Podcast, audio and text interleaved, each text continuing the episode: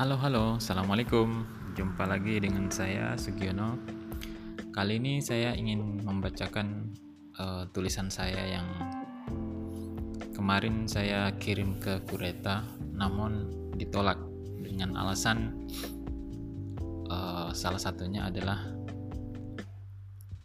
uh, karena terlalu panjang ya, terlalu panjang dan paragrafnya juga terlalu panjang dalam syarat-syaratnya mereka menetapkan bahwa minimal dalam satu alinea atau dalam satu paragraf itu uh, berisi 3 sampai 4 baris saja. Namun dalam tulisan saya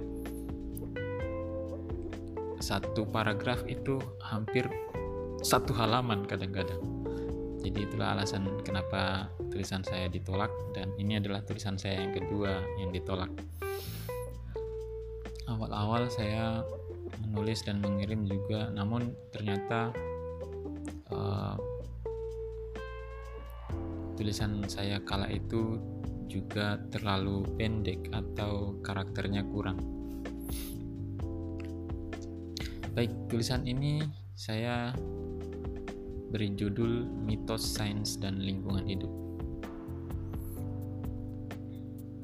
Kalian bisa membacanya di blog saya pribadi di www.sugionougi.wordpress.com. Tulisan ini sudah saya muat di sana beberapa hari yang lalu, dan ini adalah uh, audio dari tulisan tersebut. Baik, selamat mendengarkan. Mitos sains dan lingkungan hidup.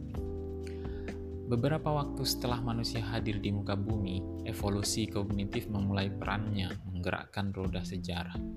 Pikiran-pikiran primitif mulai muncul untuk menjawab tantangan zaman pada waktu itu. Jauh sebelum sains mulai bergeliat menguasai peradaban, mitos mengawali jawaban manusia atas fenomena-fenomena alam atau segala sesuatu yang terjadi di luar nalar manusia.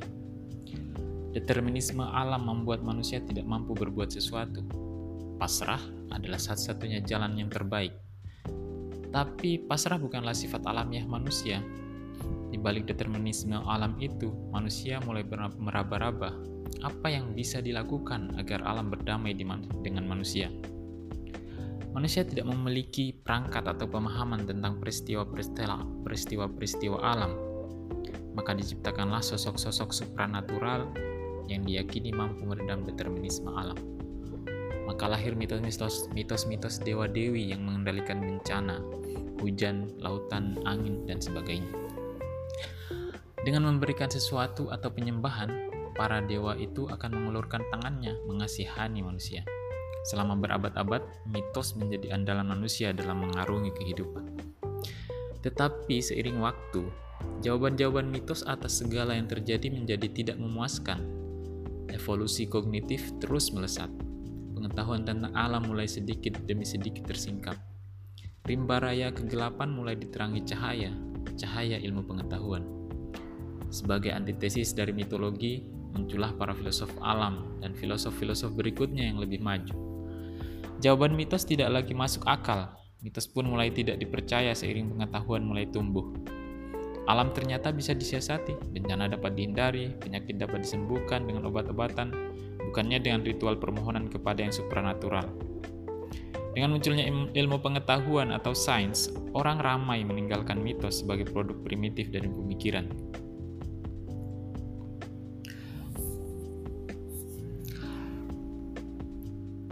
Auguste Comte menelurkan teori fase perkembangan peradaban manusia, yaitu mitos, agama, dan positivisme.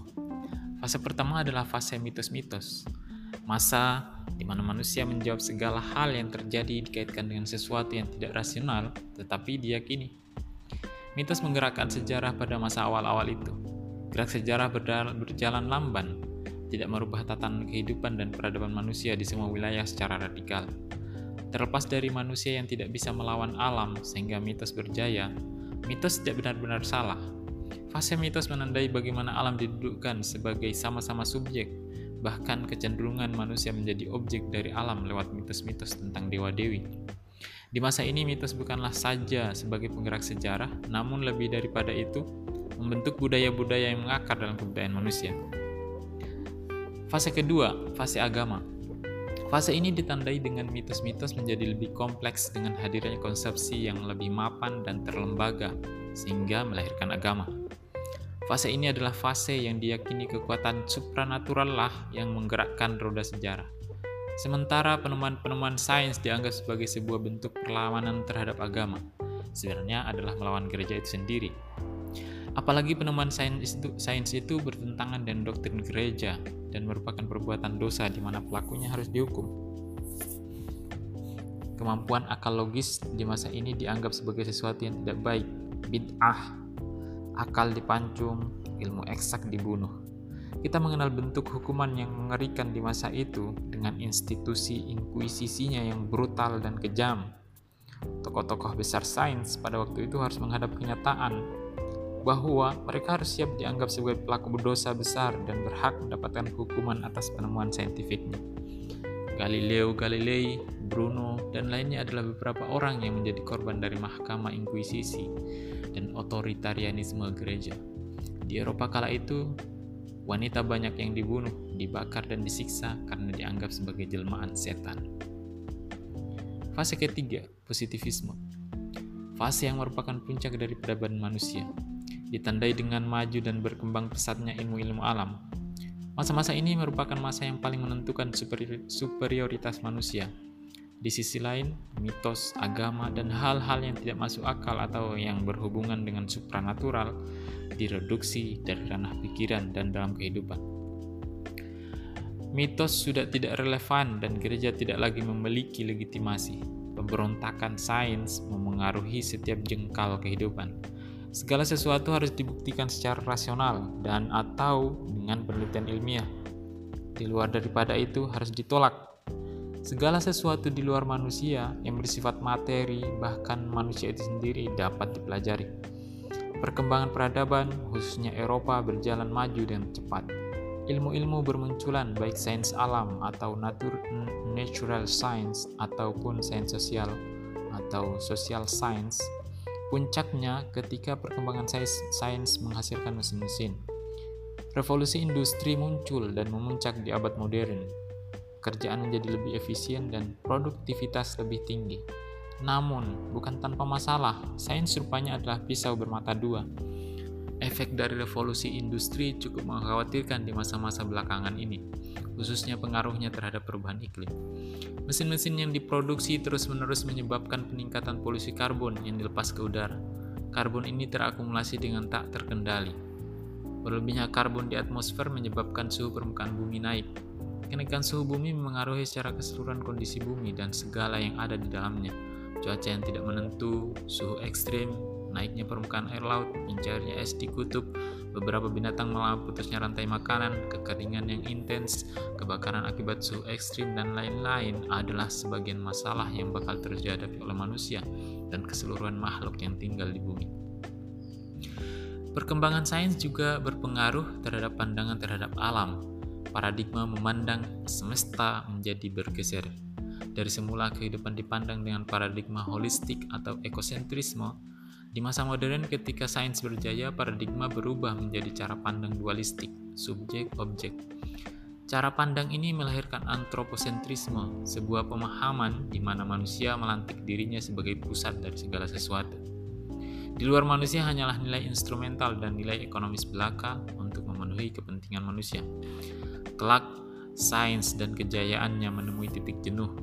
Efeknya paling berpengaruh kepada kerusakan lingkungan hidup Paradigma dualistik nyata-nyata telah mengubah manusia menjadi makhluk eksploitatif ambisius.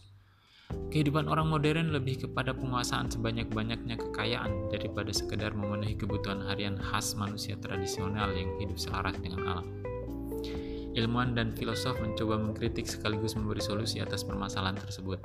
Di antaranya, mengubah kembali paradigma subjek-objek atau paradigma antroposentrisme kepada pandangan awal – sistemis organis atau paradigma ekosistem ekoses ekosentrisme. Sains harus terus maju, namun cara pandang harus diubah untuk, untuk menyelamatkan manusia dan makhluk hidup dari kerusakan lingkungan yang terus-menerus terjadi. Memahami alam sebagai jejaring raksasa atau web of life yang terkait satu sama lainnya dan menghidupkan kembali cara hidup sederhana dan hemat dalam hal apa pun seperti apa yang dilakukan oleh oleh para leluhur. Cara hidup seperti ini akan meminimalisir sikap konsumerisme Sebagian filosof postmodernisme menekankan agar kembali kepada spiritualisme dunia timur yang lebih menghargai alam dan hidup berdampingan dengan alam. Mitos-mitos yang menyelamatkan alam dari kerusakan. Di abad modern sekarang ini, meskipun mitos dianggap sebagai hal yang bertentangan dengan common sense dan ilmu pengetahuan sebagai satu-satunya cara yang dapat secara lebih tegas menjelaskan tentang alam raya dan segala permasalahannya, mitos bukanlah barang yang harus dibuang begitu saja. Justru keberadaan mitos memiliki peran yang cukup besar utamanya melindungi lingkungan hidup. Lingkungan di mana segala sesuatu yang bernyawa hidup di dalamnya dan bergantung padanya memiliki pengaruh sangat vital. Pada kenyataannya, mitos-mitos itu bahkan sebagian besar memiliki andil yang cukup signifikan dalam perlindungan lingkungan hidup. Misalnya di Indonesia, hampir semua hutan adat diyakini sebagai rumah bagi para leluhur penduduk setempat. Hutan adat lalu menjadi terlindungi dari pengerusakan oleh tangan-tangan tak bertanggung jawab. Mitos tentang komodo di NTT, di mana masyarakat setempat meyakini bahwa komodo sebagai saudara kandung manusia di masa lalu. Mitos ini membuat masyarakat hidup berdampingan dengan komodo, Hal ini yang saya yakini sebagai faktor penting mengapa makhluk purba itu masih bertahan hidup jauh sebelum pemerintah mengambil alih perlindungan terhadap komodo. Mitos yang berlaku di daerah pegunungan yang biasanya menjadi tempat tujuan wisata. Terdapat keyakinan yang telah dibawa turun-temurun bahwa untuk selamat dalam refreshing di sebuah gunung, orang harus berniat baik, tidak boleh berbuat hal-hal yang tidak senonoh, berkata kasar atau mengumpat, tidak merusak pepohonan, membuang sampah sembarangan, dan lain-lain. Bahkan dalam mitos tertentu, orang yang melewati pegunungan harus meminta izin pada para penghuni gunung, dalam hal ini makhluk astral yang menempati tempat tersebut, agar dijauhkan dari murka penghuni pegunungan atau hutan. Secara konsep, mitos tidak menjanjikan untuk kemajuan peradaban manusia, namun secara fungsional, mitos sangat membantu perlindungan lingkungan hidup. Di tengah-tengah perkembangan sains yang begitu mendominasi, mitos hadir dengan pesonanya yang redup namun menjanjikan.